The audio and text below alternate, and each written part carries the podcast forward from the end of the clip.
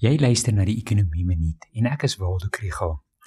Verlede week het die resultate van die 4de golf van die Nitsgram opname opslaag gemaak toe daar aangekondig is dat net 71% van Suid-Afrikaners bereid is om ingeënt te word teen COVID-19. Huiwerigheid om ingeënt te word is hoër onder jong mense, vroue en Afrikaanssprekendes.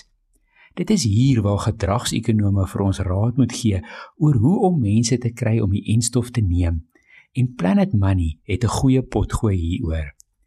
Een vraag is oor watter kommunikasie en boodskappe beter werk. Die navorsing wys dat dit belangrik is om op die regte beïnvloeder te kies vir die regte teiken gehoor. Anders val die boodskap op doewe ore. Meeste mense moet oor en oor aangemoedig en herinner word.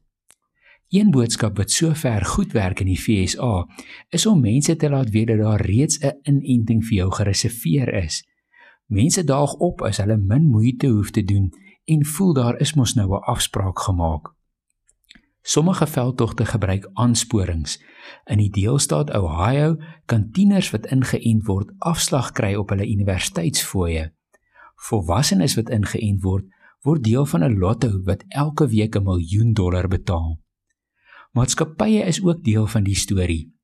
Een gee 2 ekstra siekverlofdae vir mense wat ingeënt word en dalk platgetrek word deur neeweffekte.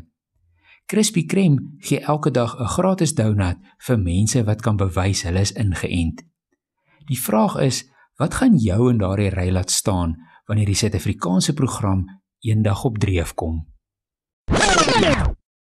As jy meer van die ekonomie wil leer, volg die ekonomie blok.